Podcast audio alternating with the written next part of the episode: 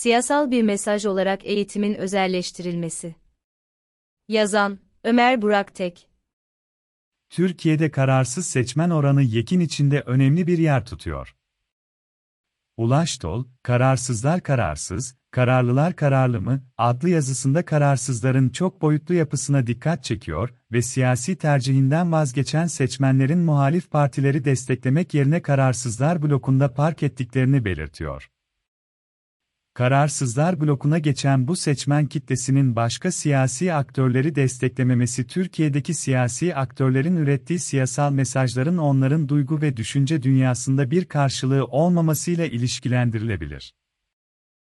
Bu bağlamda eğitimin özelleştirilmesinin yarattığı Türkiye toplumundaki sosyoekonomik sorunlar siyasal bir mesajın konusu olarak değerlendirilebilir.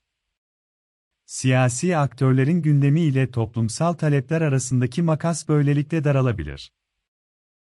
2006, 2007 ve 2020, 2021 eğitim dönemleri arasında okul öncesi öğretim tortarta segmentinde özel okulların toplam okullar içindeki payı, okul sayısı olarak %4'ten %15'e öğrenci sayısı olarak %2'den %7'e, öğretmen sayısı olarak %6'dan %14'e çıkıyor. Buna ek olarak, 2007'den beri artan özel okulların payı 2018'de duraksıyor, son iki yılda ise hem öğretmen hem de öğrenci sayısında gerileme oluyor.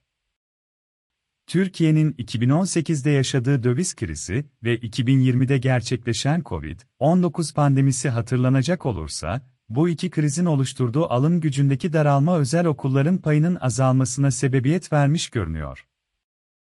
Bu durum birbiriyle ilişkili iki anlama geliyor. Birincisi, ekonomik refahın artmasıyla birlikte özel okulların payı artıyor.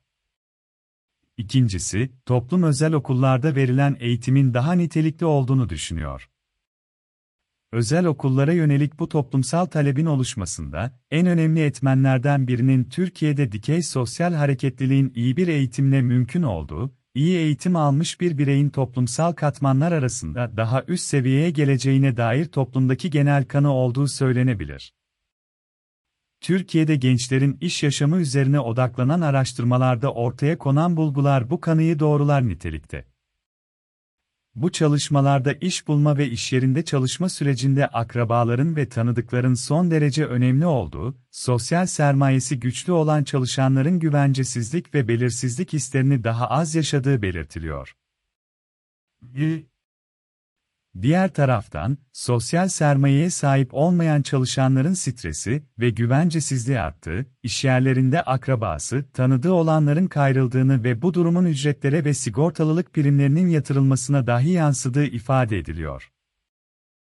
Bu bağlamda çocuklarına daha iyi bir gelecek bırakmak için ebeveynler özel okullara yöneliyor ancak özel okul ücretleri her geçen yıl çarpıcı biçimde artıyor. Son bir yılda, yani 2021 yılının Şubat ayından 2022 yılı Şubat ayına özel ilköğretim ücretinin 23.996 TL'den 31.243 TL'ye, özel lise ücretinin 27.569 TL'den 35.894 TL'ye, özel üniversite ücretinin 46.124 TL'den 57.100 TL'ye çıktığı görülüyor. Diğer taraftan, Türkiye'de tüm ücretli çalışanların %64 ve asgari ücretin altı ve asgari ücretin 1,5 katı arasında bir ücret elde ediyor.